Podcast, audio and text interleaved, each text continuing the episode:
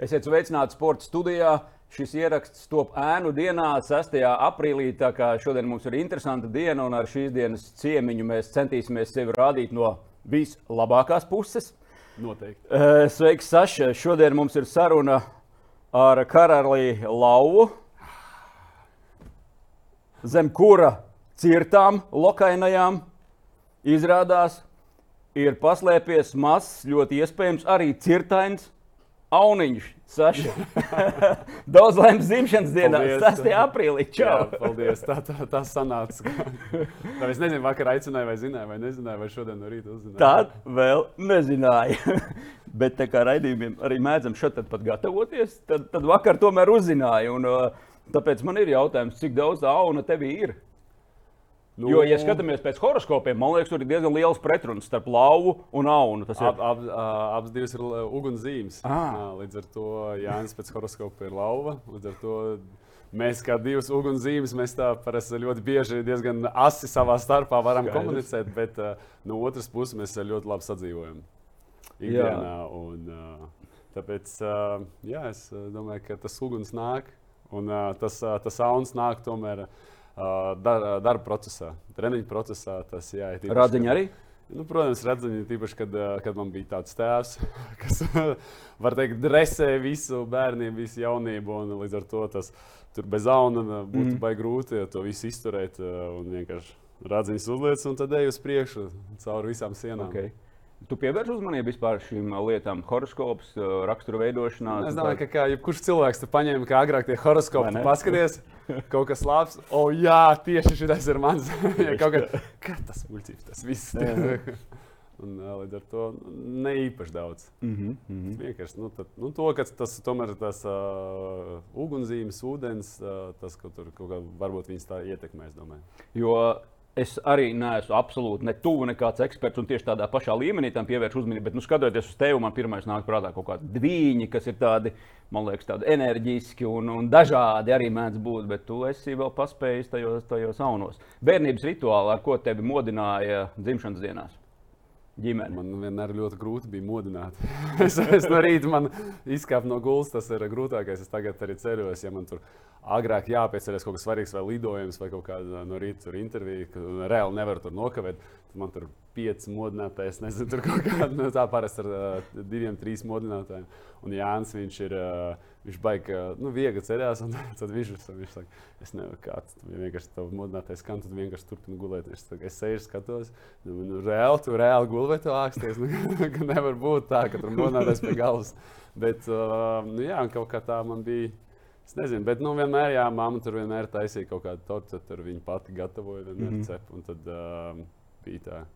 Ka No rīta. Bet, nu, bē- bērnībā, tu, protams, to dzimšanas dienu sagaidi vairāk. Oh, tagad jau, nu, jā, ok, dzimšanas diena ir ļoti labi. Cool. Es tev varu atklāt mazu noslēpumu, jo es šodien no rīta apsveicu jau vienu jubilāru savā mājās, viņa gultiņā. Wow! Viņam šodien palika 14 gadi, manam Super, puikam, apsveic 6. tevi. aprīlī.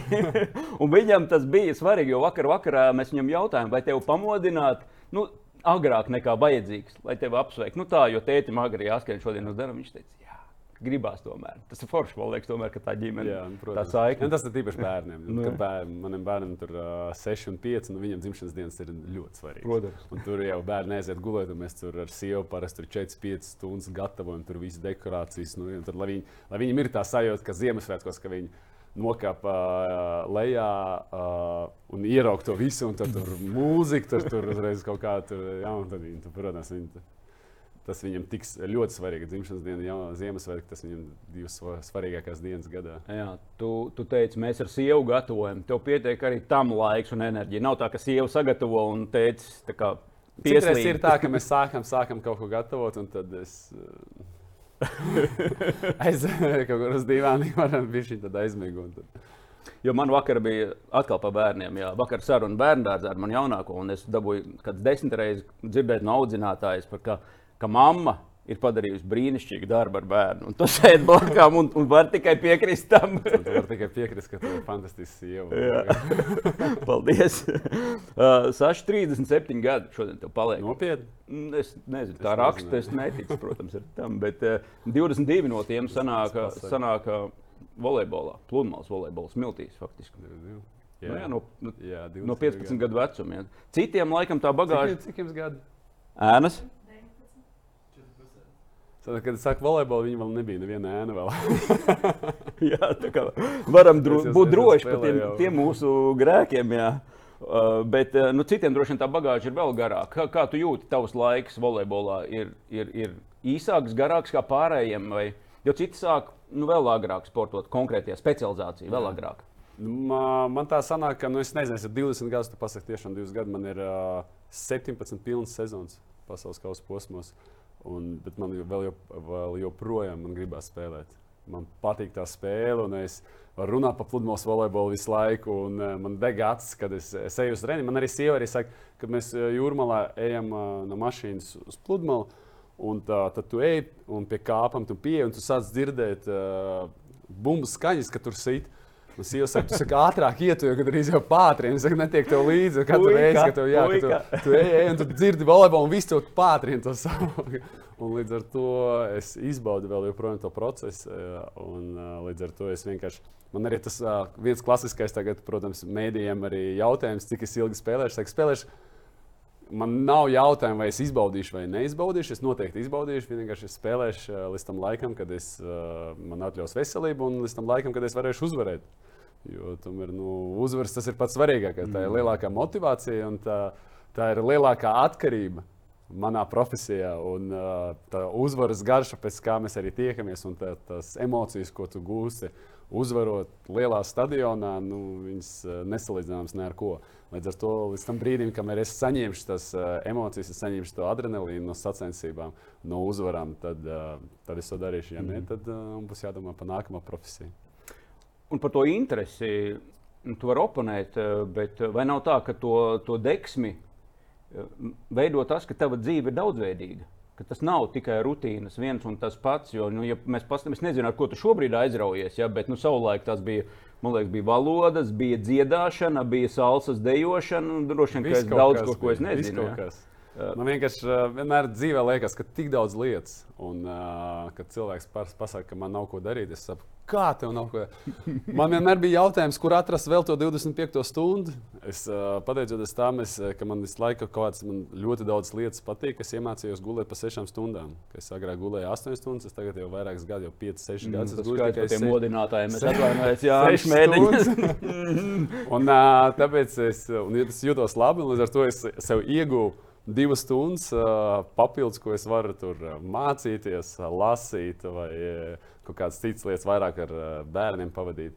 Un, jā, tad es meklēju, bet tāpēc nevarēju saprast. Bet tas aizraušanas, nu, pateicoties pandēmijai, parādījās jauna aizraušana. Nebija nekāds konteksts ar cilvēkiem, parādījās golfs. Oho, Jā, es sāku spēlēt golfu. Tas arī prasa laiku. Lai nu ko, bet laiku tas, Tas prasa. prasa laiku. Bet kas patīk, ka arī tāds es diezgan komunikabls cilvēks. Un, um, man patīk cilvēki būt kopā ar cilvēkiem, bet tajā pašā laikā man ir vajadzīgs savs laiks, kad es esmu viens. Un, uh, kad mēs uh, braucam kur pa sacensībām, tas praktiski nav iespējams. Kur visu laiku esmu ar Jānu Šmēdiņu vienā istabiņā, un tur treneri ir komanda mājās. Kad es esmu mājās, tāpēc ka es ļoti maz mājās, līdz ar to nu, bērni vienmēr un sieva grib maksimāli vairāk laika pavadīt ar mani. Līdz ar to tas golfs viņš varbūt iedod kaut kādu vienu stundu nedēļā, kad es varbūt viens pats es varu aiziet tur paspēlēt un bišķi savām ej domām kaut ko salikt. Jā. Nu, es uh, citreiz eju vai no ar, ar ģimeni vai ar, kā, ar kādu draugu uzspēlēt, bet uh, vismaz tur vienu reizi, uh, divās, trīs nedēļās, kad es esmu Latvijā, kad es spēlēju, es aizēju viens uzspēlēt kaut kādu stundu. Un kas tev ir mīļākais vietiņa vai bedrīte? Vai... Jūrmalā. Es esmu Jūrmālas. Uh, Godu pilsonis, jūrmāls. Jā. Tur tiešām ļoti labi laukumi. Es mācos. Es, es nemāku spēlēt, neprasēt kā par handicāpu un par tādām lietām. jā, jā. es, es vēl mācos. Nu, jā, bet tas arī ir tāds viens no tiem hobijiem, kad večiem spīd acis līdzi, kamēr vispār var nulli panest. Laikam. Jā, tev Nu, ir tas, tas, tas tiešām, variants. jā, jā. Man tēvs vienmēr ir teicis tā, ka cilvēki parasti ir spēlēt klasisko volejbolu, pēc tam, kad uh, sāk sapēt ceļu, uh, muguras pāriet uz pludmales volejbolu, kad jau palikties nevar aiziet uz tenisu, un kad jau paskriet nevar, tad iet uz golfu. Viņš saka, tādas, tādas stadijas. Man, es pat tā pateicu, ka es uh, eju uz golfu, viņš jau tik tā- tālu esi. Ja? Viņš, eh, viņš, viņš teica, ka kaut kā izlaiž to vienu stadiju. Es saku, nē, nē, nē, es tā gatavojos. Nu, un, protams, ar, uh, mūzika paliek manā dzīvē. Mūzika man ļoti patīk. Un, uh, bija viņa arī mājās muzicēja. Un, uh, tagad uh, bijām aizvakar karaoke. Bija ar draugiem. Mm -hmm. nu, mhm. tad, tas ir tāds hobijs, ka mūzika. Šis ir vēl neuzfilmēts sižets, Saša. 15 gadu garumā klausies. Es nezinu, kad tu ielaidīsi tajā teritorijā. kā kā nav uzfilmēts, ir balss maskā. ah, ok. Šito mēs nezinām, tas vispār ir cits kantors. Es neskatos tādu. Pareizi ir. Nevar. Jā, jā, jā. Nu, Šī tā izgriezīs. Labi, mājās izgriezīs. Jā, tam ir. Protams, pilnīgi ārā. Bet mājās muzicis, muzicēt. Man, man, man interesē, ko tas nozīmē mājās muzicēt. Pie klavieriem. Pie... man ir sintetizators, jā, un man ir ģitāra. Bet es arī slikti spēlēju. Nav, nav. Visu uzreiz. Tu muzicē, mm -hmm. tu spēlē, visi devais uh, gadbalā sportā, uz skatu priekšnesumu. Vai priekšnesumu? ko jūs nē? Mm -hmm. Mā, mājās ar bērniem. Vecākiem dēlam pamācīt kaut kādus tur uh, paspēlēt kopā ar viņu. Mm -hmm. Tā. Bet tu neesi tas manieks, jo ir cilvēki, kuri vienkārši nu, nespēja kaut ko sākt jaunu, jo viņi pēc būtības ir perfekcionisti. Viņš saprotot, ka es esmu labākais pludmales volejbolā, es nekad nebūšu labākais pie nu, klavieru spēlē vai ģitārā. Viņš nemaz neķerās klāt, viņš baidās varbūt no tā. Tu esi gatavs mēģināt. Tad tev, tev nav bail kļūdīties. Tas ir interesanti, jo es esmu perfekcionists. Tu esi, un esmu perfekcionists. Un es, uh, ar to, es ar to cīnos, jo tas, tas perfekcionisms prasa ļoti daudz laika. Kā mēs zinām, tā uh, ideja, ka lai kaut kādu lietu izdarītu, lai 80% no, no, no tā darba prasa 20% laika, un tas pēdējos 20% aizvadīt līdz perfekcionismam, viņš prasa 80% laika. Līdz ar to, laiks paliek ļoti liela vērtība, un tad uh, mēs labāk izdarām 80% kvalitāti un uh, 20% laika iztērē, nekā es iztērēju pēc tam vēl ļoti daudz laika, tīpaši tas attiecas uz studijām. Mm -hmm. Es nemāku tā, ka man vienam brāzis tur.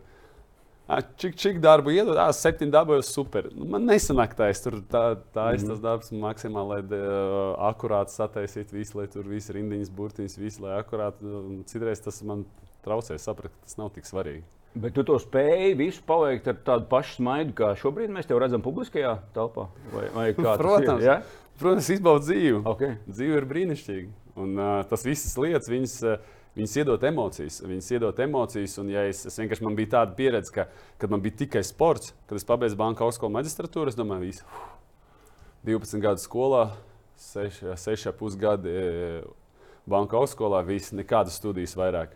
Es aizbraucu uz Eģiptes nometni, trīs mēnešus mums bija plānots. Es vienkārši mēnesi, mēs tikai treniņu, treniņu, treniņu. Es vienkārši es mm -hmm. stulbs palieku. Man vienkārši mm -hmm. smadzenes nav aktivizētas, un, es, un man tas treniņu process arī tik grūts paliek. Un tāpēc es vienmēr uzskatu, ka jābūt uh, balansā, tev jābūt gan smadzenēm noslogotam, un otrādi arī, ja tu visu laiku strādā tur oficiālā, tev smags darbs, tur kāds. Uh, tikai tev galva strādā un tu nesporto, tad tev arī otrā, otrā mm. nebūs enerģija. Līdz ar to tev jābūt vienmēr, lai tev ir enerģija. Tev ir, ja tu esi sportists, tev jāno, jānoslūdz savu smadzenes kaut kādas, tev jābūt uh, tavam darbam uh, intelektuālam.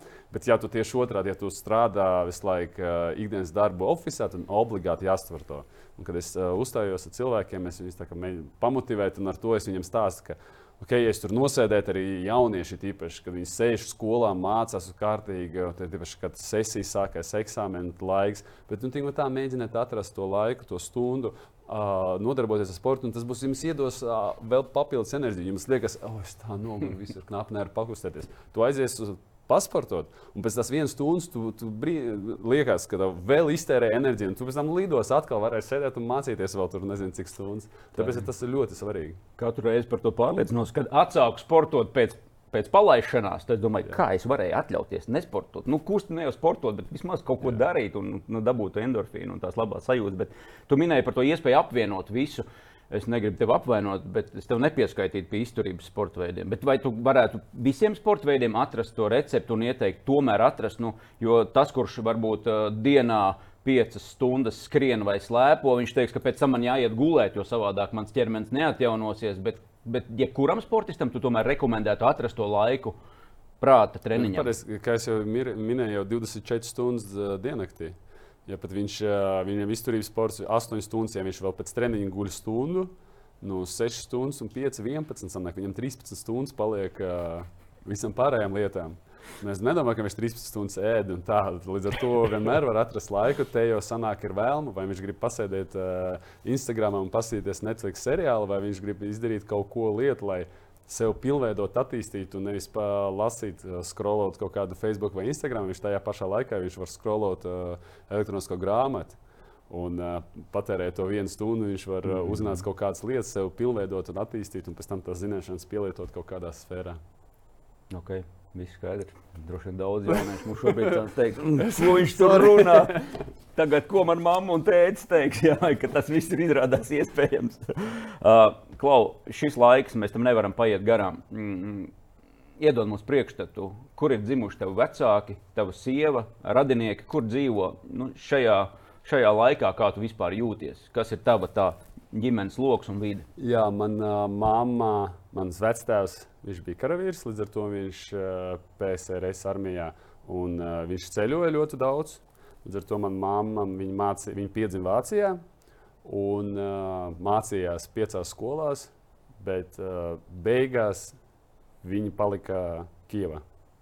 Viņa palika Kijavā un uh, sanāk, ka viņa, manā mamma, kā, pēc tautības krieviete, bet uh, izauga Krievā, Kijavā. Uh, Man uh, tēvs ir no Krievijas, no Urāls, no, no laukiem. Un tad viņi iepazinās universitātē, uh, Orenburgā, Urālā pilsētā. Un tad viņi atbrauc uh, uz praksi, viņi abi bija inženieri. Viņi atbrauc uz Rīgas vagonu rūpnīcas uh, uz praksi.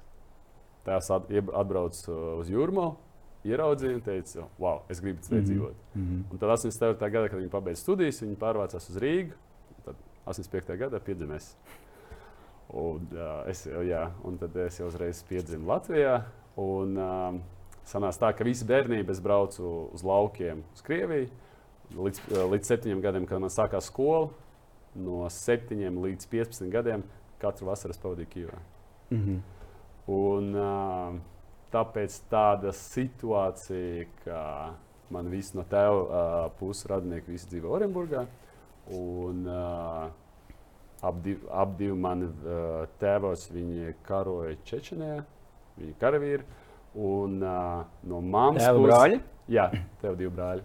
Un uh, es, viņi, viņi tur ļoti labi, 5 gadus pavadīja. Tas ir 90. vidus. 90. gadu, jā. Tā, līdz ar to karš diezgan sāpīgi. Mm -hmm. tēma mūsu ģimenē. Tā bija vienmēr tabu tēma. Par to nekad nerunāju, jo katru reizi bija ļoti nu, psiholoģiski smagi. Un uh, no māmas puses visi radnieki Kijavā. Un vēl joprojām, un es uh, praktiski katru gadu braucu uz turieni. Viņus apciemot, tas bija tagad decembrī.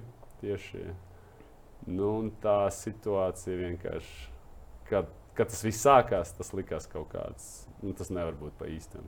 Nu, tu zvani, tev stāsta, bet tu liekas, tā kaut kāda Hollywoods filma. Mm -hmm.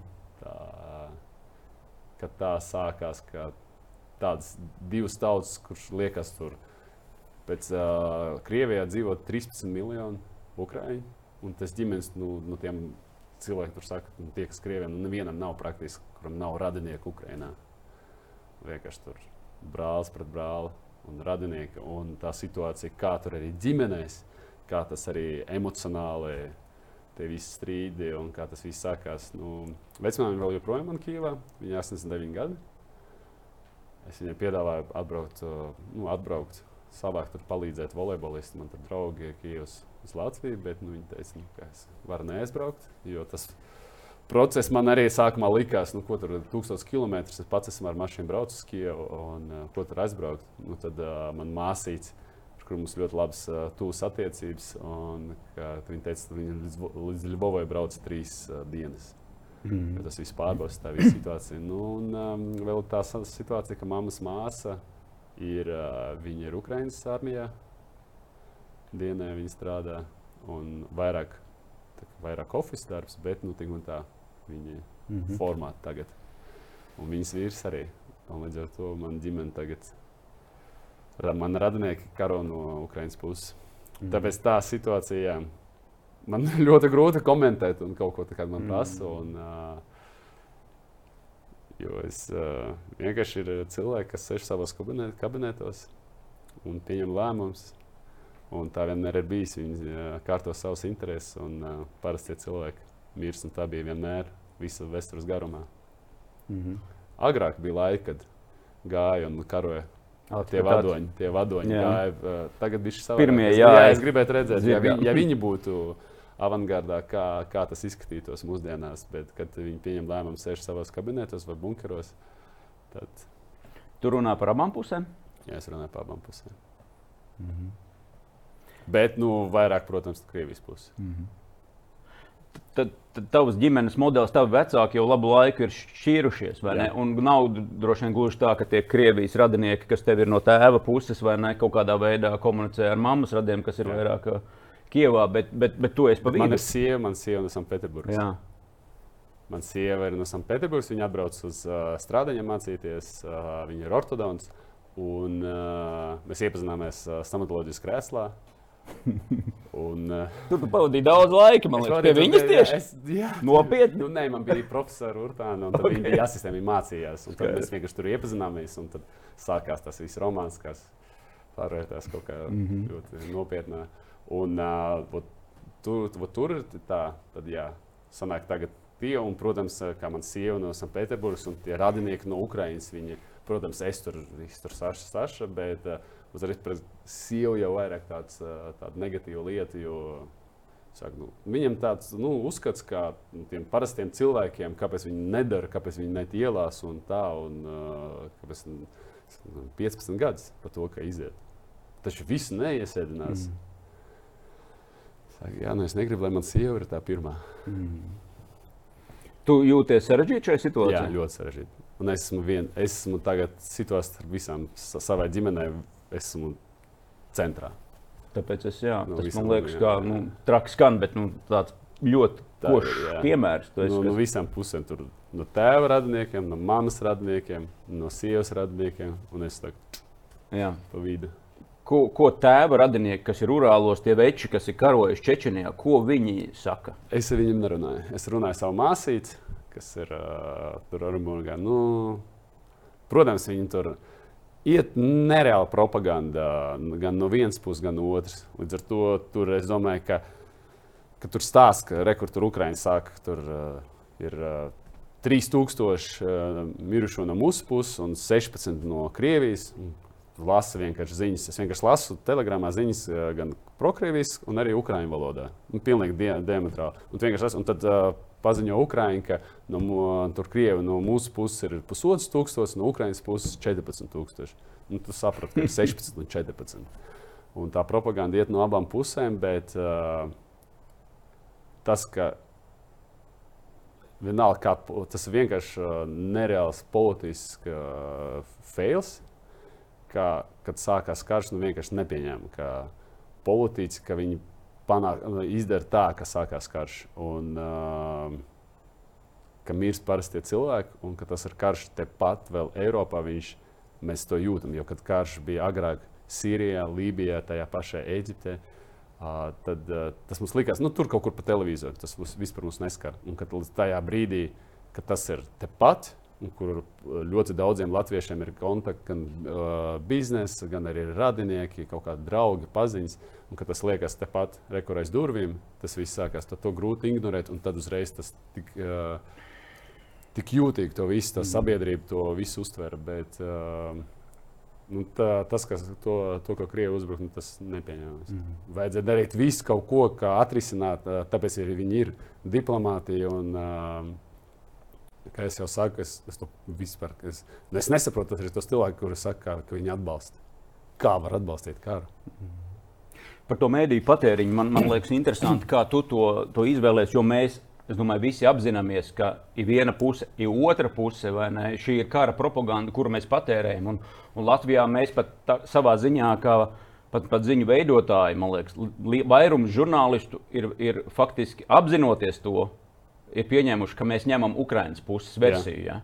Uh, Kā, un, un karā Nu, Tur nevar būt kā, kā var ne, ne, Jā, jā Ukrainas tu tā lieta, ka karš ir karš. Ir karš. Tur un būtībā mēs esam skaidri nostājušies kā valsts Ukraiņas pusē. un Es domāju, ka nu, lielākā daļa Latvijas pilsoņu un arī nepilsoņu. Uh, un līdz ar to mēs esam pieņēmuši šo spēles noteikumus. Bet, uh, bet, bet tiešām ik pa laikam jau tā kritiskā domāšana tevī, taču, kā, kā domājošā cilvēkā, nu, jautā, kā tad ir pa īstam. Un, un tad, kas pienāk no Ukrainas, nu, kurā brīdī, jo, jo mēs redzam tikai Ukrāņu cilvēkus, kuri saka, mēs iesim līdz galam, vienalga kādus upurus tas prasīs, lai not, nosargātu savu valsti, par kas ir fantastiski, ja, un, un tev ir nu, ar lepnumu tu skaties uz tādiem cilvēkiem, un, un, bet, bet kāda ir realitāte? Tā, tā, tas iekšējais nosņemts, jo kaut kādā brīdī es domāju, iekšējās šaubas tomēr nu, daļai sabiedrības parādās, vai tie upuri ir tā vērti. Um, man grūti arī pateikt, ka, es prasu, varbūt tur presa. Ko vecmāmiņa saka? Viņi skatās televizoru. Ukraiņu. Viņi skatās no, Ukraiņu televizoru. Uh, visi mani radinieki, uh, māsīts uh, un tanti, viņi uzreiz, uh, man ir trīs, uh, trīs māsītes, man ir krustdēls tur, un uh, man māsīts ir trīs bērni. Un, uh, līdz ar to viņi visi uzreiz, kad sākās 24. Paņem bērnus, izbrauc ārā no Kijavas un uh, dzīvojot piecas ģimenes uh, laukos mājā. Un vienkārši viņi saka, tas trakākais, kā sākās uh, gaisa sirēnas, ka tur sāka radara pamanīt, ka raķetes lido un visu uzreiz uh, pagrabā. Saka, un tikai bombardē pa naktīm, un līdz ar to pa nakti nevar gulēt. Tur 5-6 reizes jāceļās un jāskrien. Un tad, Jo, jo radari ja ra, raķetes lido un uh, nezinu, kur, kurā uh, Krievi, nu, protams, nu, nu, daudz, šis stāsts ir ļoti daudz. Jā, zin, bet, bet, bet vai ideja, viņi ir tie cilvēki? Viņas, viņi ir tie cilvēki, kas grib vienkārši mieru. Viņi saka, lai paņemtu to Donbass, to mēs vienkārši gribam mieru. Mm. Mēs gribam atgriezties mājās, mēs gribam gulēt pidžamā savā gultā, nevis apģērbti gulēt ar, nezinu, tur praktiski stāvus, un uh, viņi ir noguruši. Un es vakar, eh, aizvakar es norunāju pusotru stundu ar vecmāmiņu, uh, un viņa saka, ka es vienkārši noguru no tā, ka man ir sešas nedēļas, es laiku uztraukumu sajūtu. Saka, man veselība nereāli pasliktinās, tā jau ir 89 gadi, un es spiedienu. Viņa saka, ka tev visu laiku ir sešas nedēļas uztraukumu sajūta. Visu laiku pat arī, kad nav nekādas sirēnas bombardētas, bet vienkārši tā ir uzkurinās. Ar televīziju viņi iesaistās, tur jau uzkurina, uzkurina, uzkurina. Viņa saka, man visu laiku ir tāda adrenalīns uh, un tas emocijas laiks uzreiz. Un, uh, sāk, mēs vienkārši gribam, lai ātrāk tas viss beigtos. Nu, jā. Ka ir arī tāds noskaņojums, jā. vai ne sabiedrībā? Man liekas, tas ir jau vairākumam cilvēku tagad. Viņi jau gatavi, lai, paņem, lai tu paņem to Donbasu, tik un tā jau Donbasā tur jau karo astoņas gadus. Tur... Izturība Ukraiņiem. Jā, jā. un lai, lai tiešām tavējiem arī tur viss kārtībā. Kā sieva tiek galā ar šo? Latvijā? Nē, Pēterburgā. Viņa teica, Pēterburgā. Mēs, nu, tā sanāca, ka es aizbraucu prom uz pusotru mēnesi, man bija sacensības, un uh, viņai vajadzēja aizbraukt. Nu, es domāju, ka ko pusotru mēnesi te viņa neredzēja māmā ar to visu ar Covid. Sanāca, viss bija robežas dziedāts, divus gadus praktiski māmu neredzēja. Teicies, nu, tieši ir iespēja, tu uz pusotru mēnesi brauc uz nometnes sacensībām. Es aizbraucu uz Pēterburgu. Es, uh, viņa aizlidoja uz Pēterburgu, es aizlidoju uz Ameriku. Pagāja divas dienas, sākās karš. Mm. Reizes atcēla. Un, uh, līdz ar to avio savienojumu nav. Jābrauc ar mašīnu pakaļ. Man nav vīza. Es nevaru aizbraukt pakaļ. Līdz ar to, bet nu, viss organizē mm. pēc dažām dienām atvedīs. Sankciju sekas ikdienas līmenī kaut kas ir manāms Krievijā? Pagaidām nav. Pagaidām nav. Un, uh, protams, nu, tas, kā aiztaisījās veikali, bet nu, sankcijas noteikti būs jūtamas pēc kaut kāda laika. Tagad, uh, tagad parasti cilvēki. Ikdienas līmenī vēl nav. Ikdienas cilvēki, nu, kā es runāju ar, ar, ar sievu, viņi saka tā, ka ikdienas, uh, ikdienas lietas, ja tu neskaties televizoru, nelasi ziņas, tad pa lielam tur var, mm. var būt tā, ka cilvēks pat nepamanā, ka tur Krievijā. Nu jā, tur mēs pagaidīsim. jā, tur pamanā tie cilvēki, kas brauc uz Eiropu un citur. Jo, un arī visi pa, pazīstami, visi, kas brauc uz Eiropu, saka, nu, ka baigā rusofobija sākās. Nu, jā. ja tu runā krieviski, tad tur uzreiz mm. apiet apkārt. Ko darīt ar 9. māju? Svētki, svētki noteikti nevar te būt. Un uh, svētki noteikti ne, nevar būt. Bet, uh, bet es domāju, cilvēkiem jāatļauj vismaz tur uh, uzlikt puķus. Jo ir uh, 9. maijā karoja gan Baltkrievi, gan Krievi, gan Ukrāņi. Visi kopā, gan Latvieši. Un, uh, jā, tev vectēvs ir. Uh, ir uh, miris otrā pasaules kara uh, no, no šīs puses. No, līdz ar to nu, tev jābūt tā, ka tev var atļaut. Mm. Bet to transformēt uz vectēvu piemiņu. Tā jābūt kā tādam. Tā vienmēr ir sen, vai, sen vajadzētu, ka piemiņas diena. Jā. Bet mums vienkārši tagad, nu, nu, mums ir sabiedrībā vispār aiziet viss. Mums aiziet viss tagad svētku noskaņojumā. Pa lielām Ziemassvētku, nu, cik cilvēki tagad iet uz baznīcām, kad, kad ir Ziemassvētku? Hello, izkārtnes tas pats. Helovīns palika pa karnevālu. Mm. Jo tie visi, tā, arī de, 9. maija palīdz pa parādu, koncertu. Tas viss lietas, tas, tas, tas, ir lietas, kas bija savādāk nekā mums tagad. Kur, kur mums bija viņa aiziet sabiedrībā? Mums viss svē, svētki, jā, un tas vērtības viss tur tā, tādās. Uh, Svētku noskaņojumā, kaut arī tas viss lietas. Bet tev ir... nav Latvijā vieta, kur aiziet vectēvu, un cita vieta, kur nolikt uh, to sarkano neļķi. Es atvainojos, nezinu, ko tu, nē, tu zini, kāda latviešiem var būt attieksme pret to sarkano neļķi. Bet, jā. Tā, kā, ne. tā būtībā tā ir tā kā, vienīgā vieta, vai, vai mājās nolikt svecīt nedara? Es nezinu, man grūti pateikt. Mm -hmm. Man grūti pateikt, ko tie cilvēki jūt. Un, mm. uh... Bet ko tu dari? Es neko nu, es nesaku. Piemēram, vienkārši. Jā, es pat nepieminu. Man nav. Man nesacējas, ka man mm. ar to, ka, ar, ka man radinieki. Un, man uh, vecmāmiņa bija, uh, kā man vecvectēvs, viņš ir latviečs. Un tad 35. gadā uh, par to, ka viņam, viņš bija latviečs, viņu uz Sibīriju. Un tad uh, vecmāmiņa no jau tajās no Latvijas. No, La... no Latvijas uz Sibīriju. Kurā gadā? 35. Un vecmāmiņa bija komunists, es atvainu. Nē, Latvijas viņš bija. Jā, labi. Bet par to, ka, bija, ka, par to, ka viņš ir Latvijas, viņu Sibīrijas Stalins aizsūtīja. 41. droši vien, nevis 35. 3, 3, nu, 35. gadā nebija deportācijas. Nu, 49. un 41. Nē, nē, nē, nē, 30 kaut kādā gadā. Es, tas, es, Es tev nesaprotu, bet 30 kaut kādā gadā, varbūt 39. Bet deportēja nevis labprātīgi aizbraukt. Nē, nē, nē deportēja. Jā. Jā. Labi, ejam Arest, tālāk. Arest. Šo mēs salīdzināsim. Jā, un uh, vecmāmiņa man bija uh, Leningradā, viņa bija Bernamā, Leningradā, viņas divas dīnietes. Un uh, vi, man vairāk asociējas ar uh, viņai, viņa tur stāsta visas bērnības, ka Leningradas blokāde, ka viņi tur ēdienu nebija tur au, au, audzēt, tur uz balkona kaut kādas kartupeļus vai vēl kaut ko. Man vairāk tas otrs pasaules karš var, vairāk asociējas ar viņu stāstiem. Mm. Es ar vecāku kaut kādu vecāku nekad neko nestāstīju. Līdz ar to man nekad nebija sajūta, ka man, ka man ģimene ir saistīta. Ar, uh, tā kā tev saknes būtībā no iepriekšējām paudzēm vēl daļai no Latvijas, tikai tāds lociņš izmests ar... Vai, vai, vai, jā, tur četras paudzes. labās asins. Tās labās asins varbūt mums arī bija vajadzīgas, tās sajauktās, tas, tas tāda tautu dzīvelīgāk. Jā, bet tāda sapīga tēma. Un, es, es ļoti cerēju, ka mēs par to nerunāsim. Bet, nu, Man liekas, tas, darīt, ļoti, bet to, tas ir jā, svarīgi. Tas ir svarīgi. Kāpēc? Nē, tu esi tieši tas, ar kuru par to runāt. Jā. Tieši, man liekas, tas arī savā ziņā sports ir tevi padarījis par tādu Kāpēc mēs varam par to runāt? Un tā ir tā sporta liela pievienotā vērtība. Nu jā, kā arī es arī saku, ka sports ja ir, ir politika. Ir politika, ir sports. Saka, nu, jā, ir politika, bet sports, bet tomēr mēs, es teiktu, uzskatu, ka sports ir maksimāli tuvu politikai. Jā, kultūra vairāk prom, ja tur ne, ne, netais filmas par uh, kara laika propagandu. Bet uh, sports ir tas, ka mūsu galvenais mērķis ir uh, iedvesmot tautu popularizēt uh, valsts vārdu uh, pasaulē. Kad mēs spēlējam, mums ir uh, uh, uzrakstīts Latvijas krēkla, mums ir Latvijas karogs. Mēs uzvaram, skan Latvijas himna, līdz ar to, kad man prasīja, vai pareizs lēmums, boj, uh, ka boikotēja Krievijas sportists, ka viņam neatļauts sportēt, es saku, nu, sports ir maksimāli tuvu. Ja jūs ievadat tādas sankcijas, ka parastie cilvēki tur, uh, viņiem tur pār, gan arī pārtiks produktus un medikamentus jūs boikotējat, ka viņam tur uh, uzliekat sankcijas, nu, tad es saku, nu, tad, protams, ka loģiski būtu arī sportists, jo sports ir maksimāli tuvu un sports tiek finansēts no, no valsts budžeta.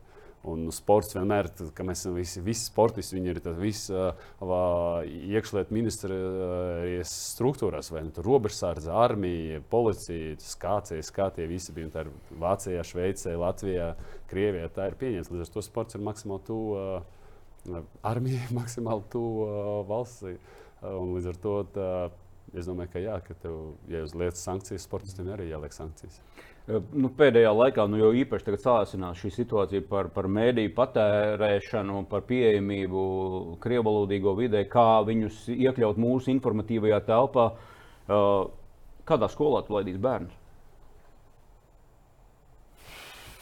40. vidusskolā pieteicās. un, nu, viņi runā, mājās mēs runājam krieviski. Tas ir normāli. Jā, tas ir normāli. Uh, skolā viņi iet, uh, viņam pirmā valoda ir krievu, bet viņam latviešu valoda visu laiku tur ir kaut kādas nodarbības, viņa jūrmās mākslas skolā iet. Kādā valodā? Nu, noteikti nu, viņi zinās latviešu valodu, bet es domāju, ka viņi ies krievs, mazā, mazāk tautības mm -hmm. skolā. Tik tā mums nav vairāk tur krievu skolas. Uh, viss notiek uh, latviešu valodā, bet nu, kaut kāds mm tur, kur ir vairāk krievu valodas, nu, tomēr uh, sieva ir no Krievijas līdz ar to. Man vienkārši liekas, ka mēs varam izdomāt visādus mehānismus, integrācijas un visu kaut ko, bet kamēr mūsu bērni nemācīsies kopā, Jā. tikmēr mēs to varēsim tikai teoretizēt. To jau arī panāca. To arī panāca kad es runāju ar aziniekiem, es saku, nu, ir uh, liela, ka viņi saka, ka visi jums tur īpaši no Krievijas, no Ukrainas, jūs tur, nu, labi, Ukrainas pēdējā laikā viņi to atbalsta. Bet pirms kaut kādiem uh, desmit gadiem teica, ka jums aiztais visas Krievijas skolas, kā tur bērni visi mācās. Saka, Nē, nu, nu, tik un tā viņi tur iet, vienkārši apvienoja kopā. Un, uh, bija tā, ka nu, ir uh, sanāca kopā, komunicē un pavisam citu uzreiz arī. Uh, tā arī saikne veidojās. Jo agrāk jau bija baigi norobežot viens no otra. Tas vairāk iet un viss.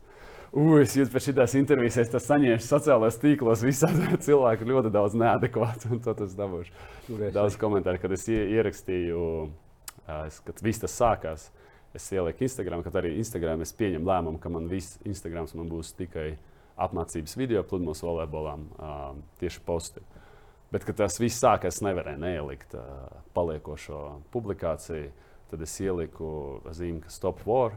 Tieši tas viss video materiāls, kas uzreiz sāka tur visi likt uh, Ukrāņu telegram kanālā. Un uh, saliek, nu, tad man tur uzreiz, pirmkārt, es noņēmu komentēšanas iespējas, nu, man tur de, uh, tiešies uh, ziņas tur sākās vienkārši tur tikai bloķēt, bloķēt, bloķēt. Vienkārši neadekvāti tur sākās mm. cilvēki. Līdz ar to varētu, varētu būt. Jā. Tāds laiks, jā. Iz, izturība tev. Paldies. Parunāsim par volejbolu arī, cik mums vēl drusku. Jā, beidzot.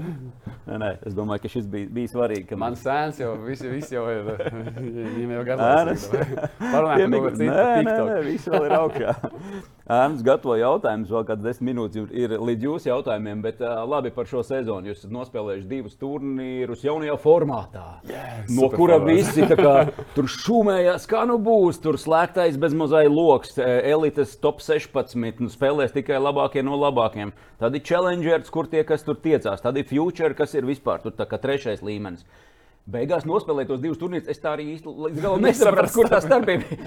nu, labi, challengerī. Es sapratu, ka jums challengerī labi gāja, un tu dabūji trešo, jūs tam Jānis dabūjāt trešo vietu. Un, un top 16 vinējāt vienu setu, un tad pēc tā spriežot, varētu, varētu izspriest, ka tur bija viegli, tur grūti. Bet, eh, kā Jā, bija nu, īstenībā? Nu, komats jau praktiski jau viens tas pašs nu. brauca, un uh, kas slikti nospēlēja Meksikā, pēc tam uh, spēlēja finālā elitē. Un, uh, tāpēc, jā, bet nu, tā galvenā ideja bija, ka lielākā problēma kad ir uh, mūsu pludmales volejbolā, ka tur, piemēram, televīzija, kas ir lielākais ienākuma avots priekš uh, visām sporta lielām organizācijām. Un, uh, tu nevari saplānot, piemēram, bobslē, tur jums gadus priekš, jūs zināt, cikos, kurā dienā mm. būs starts, ka tur startēs latvieši, visi jūs nopērkat tiesības, jūs pārdodat reklāmu, un uh, visi ienākumi nāk uh, organizācijā, uh, sports attīstās, viņi investē sporta attīstībā. Uh, mūsu sporta veidā Jau iepriekšējā vakarā tu vēl nezini, pret ko tu spēlēsi, cik tu spēlēsi, uz kuru laukumu. Būs televīzijas translācija, nebūs spēlēs to uz centrālā laukuma vai nespēlēs. Mm -hmm. Un tā ir lielākā problēma, ka tur nevar saplānot. Un tā ideja, ka jauns promotors iegāja uh, pludmales valodā, viņš teica, tā, taisam top 16. Standarti. Jau mēnesi pirms mēs saliekam grafiku. Mēs jau zinām, kādas komandas ir pēc reitinga, kas ar ko kādas grupas. Mēs saliekam līdzīgi tā kā Olimpijādē jau ļoti iepriekš uh, saliek grafiku jau zina un uztaisīja tikai divus laukumus, nevis četrus vai piecus.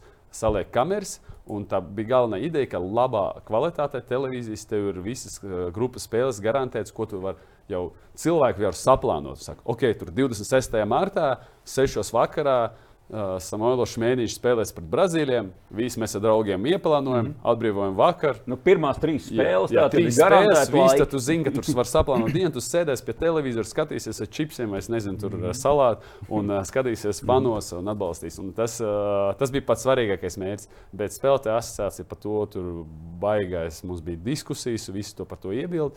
Ir īpaši visi tie, kas saka, no 17. un uz augšu, ka nav kvalifikācijas, un beigās divas nedēļas praktiski pirms turnīra viņi tomēr uztaisīja kvalifikāciju.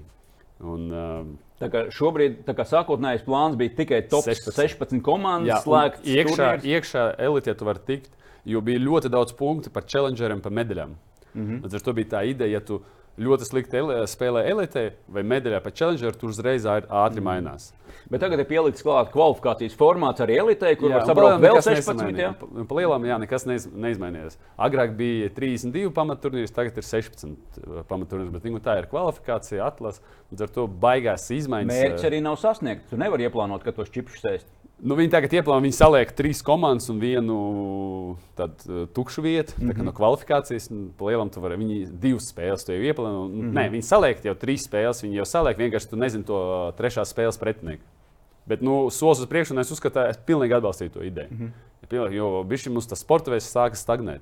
Ja ir baigais bums Olimpijas laikā, baigā uzmanība, mēdīju uzmanība, sabiedrības uzmanības, cilvēki uzreiz iet tur. Es vienkārši redzu, ka bērni uzreiz sāk iet tur, halas sāk pildīties, bērniem sāk nodarboties uh, pludmales volejbolu.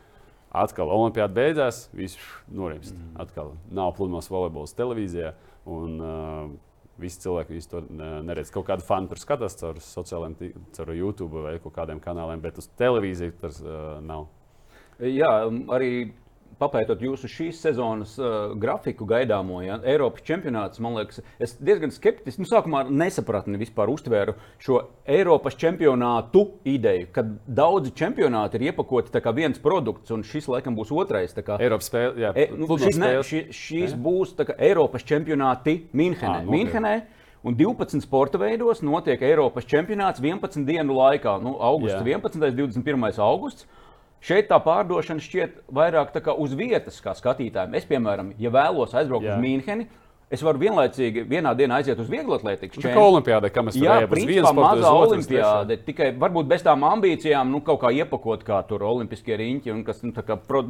Bet, bet ka ir- varbūt tas vairāk attiecas uz tādiem mazākiem sporta veidiem, kad nu, uz vienu tur airēšanas čempionātu nu, atbrauks nu, tur 500 skatītāji. Bet pie, lai- pie reizes tie varbūt 50 no tiem 500 aizies uz beach volejbolu. Nu, tādā veidā cilvēki var saprast, vispār man, man Nē, sāk no tā š- no ideja tās- labi iepatikties. No, no šitās, no šitās mm. puses ideja ir tiešām interesanta. Bet no, no uzmanības, ja tu skaties, tev, tev interesē visas trīs, tam, ka tur ir 12 sporta veidi, un tev ļoti interesē trīs no tiem, kā sekot līdzi, Nu jā, kad laiks nu strādāt. nu jā, nu jā. Bet, bet varbūt televīzijām pat arī nopirkt lielāku produktu un pēc tam nu, ieplānot tādā augustā, kas nav televīzijas prime time laiks. Jā. Salikt vairākus vieglatlētību, kombinēt ar pludmales volejbola airēšanu, šaušanu. Un, ja, ja mazām valstīm, kur pa vienam kaut kādam atlētam, pa disciplīnām, ja to tā var sapakot, Jā. tad produkts, labi, es iedziļinājos, varbūt pa daudz tajā, kā, kā, kā, kā pie televizora tas izskatās. Bet, jā, tu pieminēji ažiotāžu, cik daudz jauniešu bērni šobrīd Latvijā reāli līdz smiltīs. Ir izaugsme. Diezgan daudz. Diezgan daudz, un tas viss Vairums sākās- ēnas mums ir volejbolists Ā, šodien. visi. Visi. Visi, Super. jā, un uh, divas, divas ēnas ir bijušas pie manas nometnē. Pieci. Jā. Uh, bija, piemēram, ka es, uh, kad zini, es organizēju nometnes amatieriem, Beachbox Camp saucās pro, uh, produkts, un pagājušajā gadā mēs sākām jauniešiem. Mums bija, mums bija 24 bērni no Latvijas, un mums bija viens no Ukrainas. Vienīgais ārzemnieks. Un, uh, jā, un tāpēc attīstās. Es redzu, ka hals ir pilns, bērni aug. Un, Viņi pārsvarā šobrīd sāk jau smiltīs vai zāles volejbolā. Visi tagad sāk ar jau smiltīs. Tā ir jo 28. gadā, kad parādījās pēc Pekinas Olimpiskajām spēlēm, parādījās pir, pirmā hāla, tad parādījās arī pirmie bērni, kas sāk nodarboties tikai pludmales volejbolu. Jo pirms tam es biju vienīgais, kas vienkārši tāds Jā. No basket, no basketbola. pārgāja uz pludmales volejbolu pa taisno un uh, aiziet gar, garām klasiskajam volejbolam. Tad tagad visi jaunieši viņu uzreiz iet, jo viss ir iespējas. Mums ir Latvijā, mums ir Rīgā tikai 29 uh, laukumu volejbola iekštelps. Un, um, Līdz ar to ta, ta skolas arī tur ir jaunieši. Es vairāk kā beachbox saistīts, es vairāk redzu tur, kā viņa tā skola, Geparda. Nu, tiešām, un es redzu, ka Tīna bija tā, Tīna Graudiņa, kas bija tā, kas sāka pēc 8. gada, kad parādījās tā hala, un viņi sāka nodarboties ar pludmales volejbolu. Tad tieši tajā pirmajā vilnī. Pēc tam redzam mūsu Latvijas pagājušā gada uh, Latvijas čempionu jaunieši, uh, kas arī bija no jauniešiem, no tās Geporta Beachbox skolas. Viņi izauga, viņi tagad spēlē pieaugušo līmenī, mūsu praktiski tagad uh, otra komanda. Uh, Un līdz ar to tie jaunieši nāk, un viņi pakāpeniski sāk parādīties rezultāti ar jauniešu skolu. Un jaunieši vairāk un vairāk tie, kas tīri no tām halēm ir izauguši, ka viņi tagad nāk un sāk pārstāvēt jau pieaugušu izlasēs. Privātā biznesa princips vai arī sporta skolas un pašvaldību valsts iesaiste ir šajā visā? Sākās tas viss, protams, privātais bizness.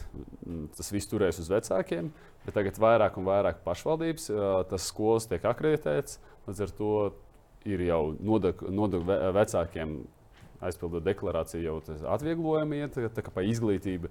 Un uh, vairāk arī tas, uh, nu, tas skolas, jau vairāk es arī pus, uh, mans treneris Rihards Finsters, viņš arī uh, tas jauniešu skolas vadītājs. Nu, viņš arī saka, nu, kad man, protams, viņi arī, saka, viņam man, man jau tas ir sociālais projekts produkts, jā, es tur kaut ko nopelnu, bet nesalīdzinājumā ar to, cik es varētu pelnīt, ja strādātu ar amatieriem. Viņš saka, man tas patīk, jo man patīk plūmās volejbols. Es gribu, lai viņš attīstās un es strādāju ar tiem bērniem, lai viņi parādītu rezultātus. Un līdz ar to viņš saka, es arī samazināju tos bērnu skaitu divreiz mazāk, jo Agrāk tas bija vairāk nu, īpašnieki, protams, grib vairāk, vairāk, vairāk mm. bērnus un lai vairāk naudas. Naudiņš, naudiņš saka, man par elektrību jāmaksā, man par apkuru jāmaksā. Visu. Tā tad ir sākās, bet man vajag medaļas Eiropas čempionātos. Tāpēc man vajag, lai man nav 16 cilvēki, man vajag, lai 8, bet tie, kas reāli pēc dažiem gadiem varēs cīnīties par medaļām Eiropas un pasaules. Nu, jābūt abiem, vai ne? Jā, jābūt tāpēc, masai, jābūt tāpēc es domāju, tas halas atkarībā no vadītājiem cik viņi ir gatavi. Un no treneriem viņi tagad balansē. Da, da, dažas halas, dažas jauniešu skolas vairāk tendences uz apjomu, mm. dažas citas vairāk uz mm. kvalitāti. Kurā brīdī tu paspēji to visu sarīkot? Tu š, nu, tur Arābu Emirātos vai Sadonē, nu, neatšķir tik daudz. Nē, es tagad pirms mēneša, pirms pusotru mēnešu mums bija Kur? Zanzibārā. Nu, Labi, okay. tas, tas tā kā nu, pasaku tēls, Zanzija. Tas bija nu, labi. Un, uh, tu esi teicis, ka tu nepārāk vēlies trenēt, bet, jā. bet vairāk organizēt. Tā arī jā, paliec pie tā. Uh, man, man patīk trenēt bērnus. Es izbaudu. Mm -hmm. Man nepatīk trenēt, uh, kā nu nepatīk, bet man tā nedeg acis uh, trenēt amatierus. Mm -hmm. Bet man uh, ļoti patīk organizēt to, to visu. Un tad uh, pirms kaut kāda laika uh, es izdomāju, ka nu, vajadzētu uztaisīt. Es biju 25. gadā, atgriežot uh, story, uh, long story short, mēs ar uh, Mārtiņu Pļaviņu bijām Eiropas. Uh, posmā, Turcijā, un tur bija Norvēģija uztaisīja nometni. Es tur skatījos, pirms tam mums visi profesionāļi. Treniņš bija tā, aizbraucam uz pludmali, uzspēlēt. Tas bija treniņš. Mēs, mēs ar Pļāviem bijām pirmie, kas sāka taisīt vingrinājumus tieši uz tehniku, uz elementiem. Tad es atbraucu tur kaut kādu pilnīgi amatieru, tur treneris viņam, viņam treniņu. Saku, viņš, viņš viņam desmit bumbas pametas, aizskrien de, pa tur astoņām bumbām vispār netrāpa, bet pa tām divām, kurām trāpa, tur kaut kur aizveda. Un viņš priecīgs, smilšains un smaida. Un trenējas nopietnāk nekā profi. Un trenē, un trenējas ar treneru taisa vingrēs. Latvijā nekad tas nebūs iespējams. Nu kā, nu nē, mums, mums profesionāli, profesionāļiem nav treneri. Tur neviens neredzēs. Te kaut kāds pilnīgi iesācies ar treneru, tur taisa vingrinājums. Un tad laiks aizgāja uz priekšu, pamainījās, mums sabūvēja tas hals ļoti daudz bērnu, ļoti daudz amatieru sāk iet, nodarbojas ar pludmales volejbolu. Nu, iegāja pēc tam amatieri, protams, viņi arī grib attīstīties. Saka, par, jo sākumā bija arī hāls, bija, bet treni, treneri nebija. Bija hāls, un vienkārši cilvēki nāca un tur spēlēja. Ne tikai vasarā, bet arī, arī ziemā varēja. Un tad cilvēks saprata, ok, es gribu pilnveidot savus, kur es varu atrast treneri. Un tas sāk mega treniņš, parādījās treniņš, un tas viss arī attīstījās. Un tad es tajā brīdī sapratu, ok, laikam tagad tas projekts var nostrādāt, ka nometni uztaisīt, ka ne tikai cilvēki brauc un tikai tur atpūšas, bet viņam ir tāds sporta turisms. Viņš atbrauc, viņam divu treniņu dienā, viņam tur ir fiziskā sagatavotība, un vakarā, protams, viss izklaides. Un tā galvenā ideja, ka mēs uztaisījām startoties, un tā arī uh, komūna, tā pludmales volejbola. Mums uh, pagājušā nometnē uh, Mājorkā mums bija 360 cilvēki no 31 valsts. Wow. Un, uh, līdz ar to tie cilvēki komunicē. Mēs uztaisām to grupu, pirms tā Zanzibāras grupa. Uh, mums fei, uh, WhatsAppā uztaisīt, viņi komunicē visu gadu cauri. Viņi tagad uh, bija tur Berlīnē, tur no visām uh, pusēm sabrauc Berlīnē. Viņi tur tie, kas tur kaut kāds amatieru turnīrs. Tur no Latvijas, no Igaunijas, no Šveices, tur atbrauc no Amerikas, atlidoja no Emirātiem. Viņi satiekās, viņi komunicē, pēc tam viņi brauc uz sacensībām. Viņi atbrauc uz sacensībām, viņi tur saka, kurš brauc uz štādi, kurš brauc uz jūrmālu, visi tur brauc. Viņi iznāk tur tur ir itāļu treneris. Un kā man arī visi treneri, tā galvenais koncepts, ka man treneri visi ir uh, pasaules kausa posma spēlētāji. Un tad viņi tur itāļu spēlē. Viņi izvelk itāļu karogu, iet fanu pa itāļu. Visi spēle beidzās. Viņi paņem, es manu spēli, viņi paņem latviešu karogu, iet fanu pa man. Pēc tam tur tā spēle, tur šveicē spēle iet, un tur šveicis karogu, un tā viņi iet. Vakarā tur viņiem kaut kā tur izklaida savā starpā, paši iet spēlēt uh, pēc turnīriem. Un tā komuna aug, aug, aug, aug no visas puses. Jebkura pasaules uh, valsts tagad atbrauc, man vienmēr ir mana audzēkņa. Es viņus nesaucu par klientiem, es viņus saucu par maniem audzēkņiem. Un uh, vienmēr, uz jebkuru turnīru, man vienmēr ir kāds no Beachbox nāk un uh, fano atbalsta, tur paņem vēl draugus. Tas Tā, ir. Kā... Tas ir modelis, kam, ir jā, kam vispār sports ir vajadzīgs. Jā. Tas ir kam ir sportā jēga. Un uh, tiem, kuriem varbūt nav naudas tik daudz, lai aizbrauktu pa pasauli, braukāt un taisīt startautisku komunu. Tieši tādām komunām jābūt lokālām komunām. Jā. Starp vienu pagastu un otru pagastu laukos Latvijā. Tas ir viss iespējams tieši uz, uz to jau mums jāiet, tas skaistums. Uh, Solustrī, Marko Solustrī nostrādājot pusotru gadu, netikāt uz olimpiādu, šķīrāties, bet viņam arī tas, laikam, tas nu, diezgan nopietni ir treniņu nometņu rīkošana. Jums ceļi tur krustojās vai esat konkurenti tagad? Vai, vai kā? Viņš pie manis treneris. Aha. Viņš pie manis okay. treneris. Nu, viņa aicina arī tur mūsu konkurenti, uh, bet nu, viņš saka, ka jūs nometnē vislabākā, tāpēc, okay. kad, uh, kad jūs taisīsiet, vienmēr pie jums braukšu. Tie pārējie ne īpaši. Labi, labi, nu, protams, tāda. Un, uh, jā, tā, tā galvenā ideja bija, kad, uh, kad mēs paņēmām Marko, ka pienāca brīdis, kad uh, mans tēvs bija vienīgais pieaugušais treneris. Pie viņa trenējamies mēs ar Jānu. Uh, tad uh, pļāviņš ar Toču, mans brālis un uh, Tīna ar Nastju. Uh, Un viņš vienkārši dzīvoja pludmalē. Viņš no rīta līdz vakaram um, trenēja. Es vienkārši sapratu, ka okay, tā kvalitāte zūd. Tad es aizgāju pie, pie federācijas un nu, teicu, ka mēs paņemsim, palīdzēt, viņu atbalstīt, paņemsim ārzemes speciālistu un paņemsim arī kādu no jauniem treneriem. Iesaistīta amatieru. Uz, do, uz, uz to brīdi Rahards kļuva par Eiropas čempionu līdz 20 gadiem, meit, ar meitenēm līdz 20 gadiem. Kā treneris. Kā treneris. Un mēs vienojāmies ar viņu, ka viņš varētu būt asistents un ka viņš varētu braukāt, ka Salustru viņa apmācīja, tomēr viņam baigā pieredze, un viņš tiešām nu, pasaules top uh, 5 treneris, un ka viņš uh, viņu apmācīs ar visām metodām, visu uh, viņu iemācīs, un tad uh, sanāca pusotru gadu, bet mēs jau, Jāni, jau sākumā jau zinājām, ka uh, redzēsim, kā ies ar Salustru, bet uh, pēc tam Rihards kļūs par mūsu galveno treneru. Tā arī ir pilnvērtīgs. Ja, pilnvērtīgs treneris, kas ar jau ir pusotru gadu tur pirmkārt viņš ir pats spēlē pasaules kausa posmu. Viņš ļoti daudz ir trenējis ar jauniešiem, strādājis tur augstā, visaugstākajā līmenī. Un tagad uh, divus gadus viņš ar mums ir apritē pasaules kausa posmos kā treneris. Un, uh, es varu redzēt, ka viņš ir katru, katru mēnesi progresē.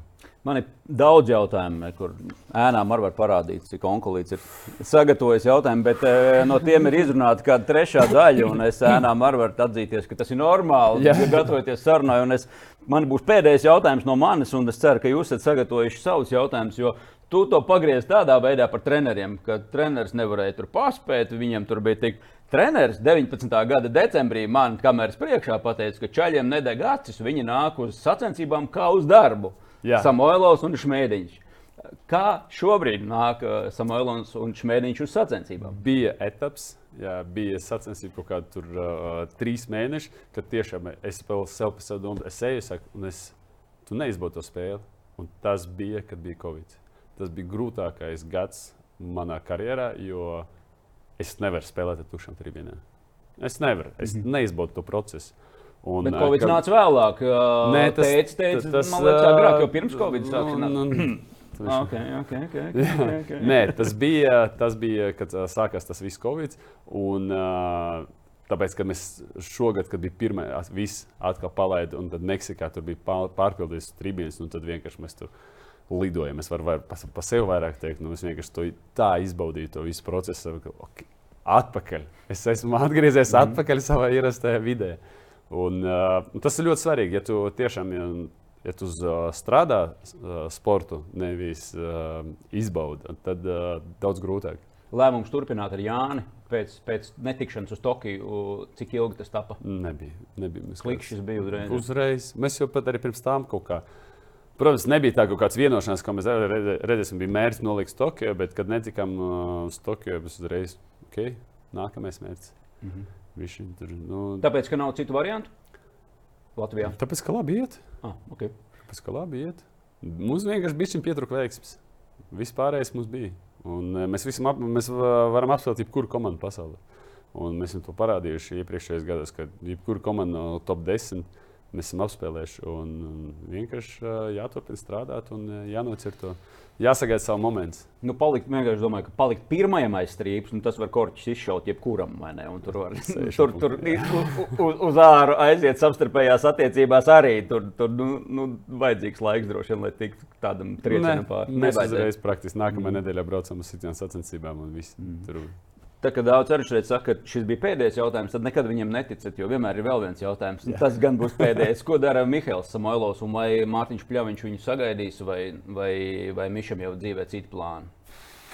Tur jau vairāk, uh, otrā tur jau, ne, tur jau tur jau uh, nu, ja, Miša. Vai, viņam būs? Es, te, es vakar, es vakar mēs Mišu vakar tieši sēdējām Mārtiņ. kopā, visu vakaru nosēdām, tur 4 stundas nopļāpājām.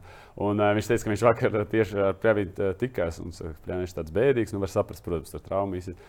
Viņš saka, es man uzreiz, es, saku, es gatavs divām sliktām ziņām, ka, ka mēs, mūsu nā, pirmā spēle būs nākamgad martā, vai tu beidz karjeru. Nu, man šķiet, nē, nē, nē, nē, neviena, ne otra. Un, uh, ar to, nu, ko, viņš bija tagad Amerikā kopā ar mums. Nastja bija tur nometnē, tāpēc, ka Tīna tur mācās. Mēs atbraucām uz turieni, tāpēc, ka Meksika ir ļoti tuvu, viena laika josla, plus man ļoti labi kontakti ar amerikāņiem, tur sparingi ļoti labi. Un, uh, mēs tur aizbraucām, un viņš arī brauca līdzi trenēties. Nu, viņš kārtīgi notrenējās, tur bija fiziskās sagatavības treneris līdzi. Līdz ar to viņam sanāca tāda rīktīva, kārtīga nometne. Tagad mēs atbraucam no Meksikas. Jānim bija vajadzīga vairāk laika atpūsties. Tad viņš kopā ar mani trenējās. Mēs ar uh, Toču Fokeru uh, trenējamies. Un, uh, jā, viņš trenējās, gatavojas. Nu, viņam, ko, viņam tagad uh, tikai progress uz augšu var iet. Protams, uh, kaut kas arī jāēd, uh, tāpēc viņš arī bija patrenē. Patrenē kaut ko uh, amatierus, lai sev iztiek nodrošināt. Bet nu, ne, viņš pludmales volejbolā un viņš ar to sev saistīja. Pludmales mm -hmm. volejbolu nu, viņš, viņš grib pamēģināt. Forši. Labi. Ir daudz jautājumu, kurus es gribētu uzdot arī no sevis, bet uh, ēnas nāk studijā. Ne, nekautrējies, nekautrējies. Paldies! Paldies! Daži izgriezīs. Šitās gar, garlaicīgas muldēšanas jau arī pēc tam izgriezīs. Vai ir uztraukums pirms spēlēm? Ja ir, kā to nomierināt?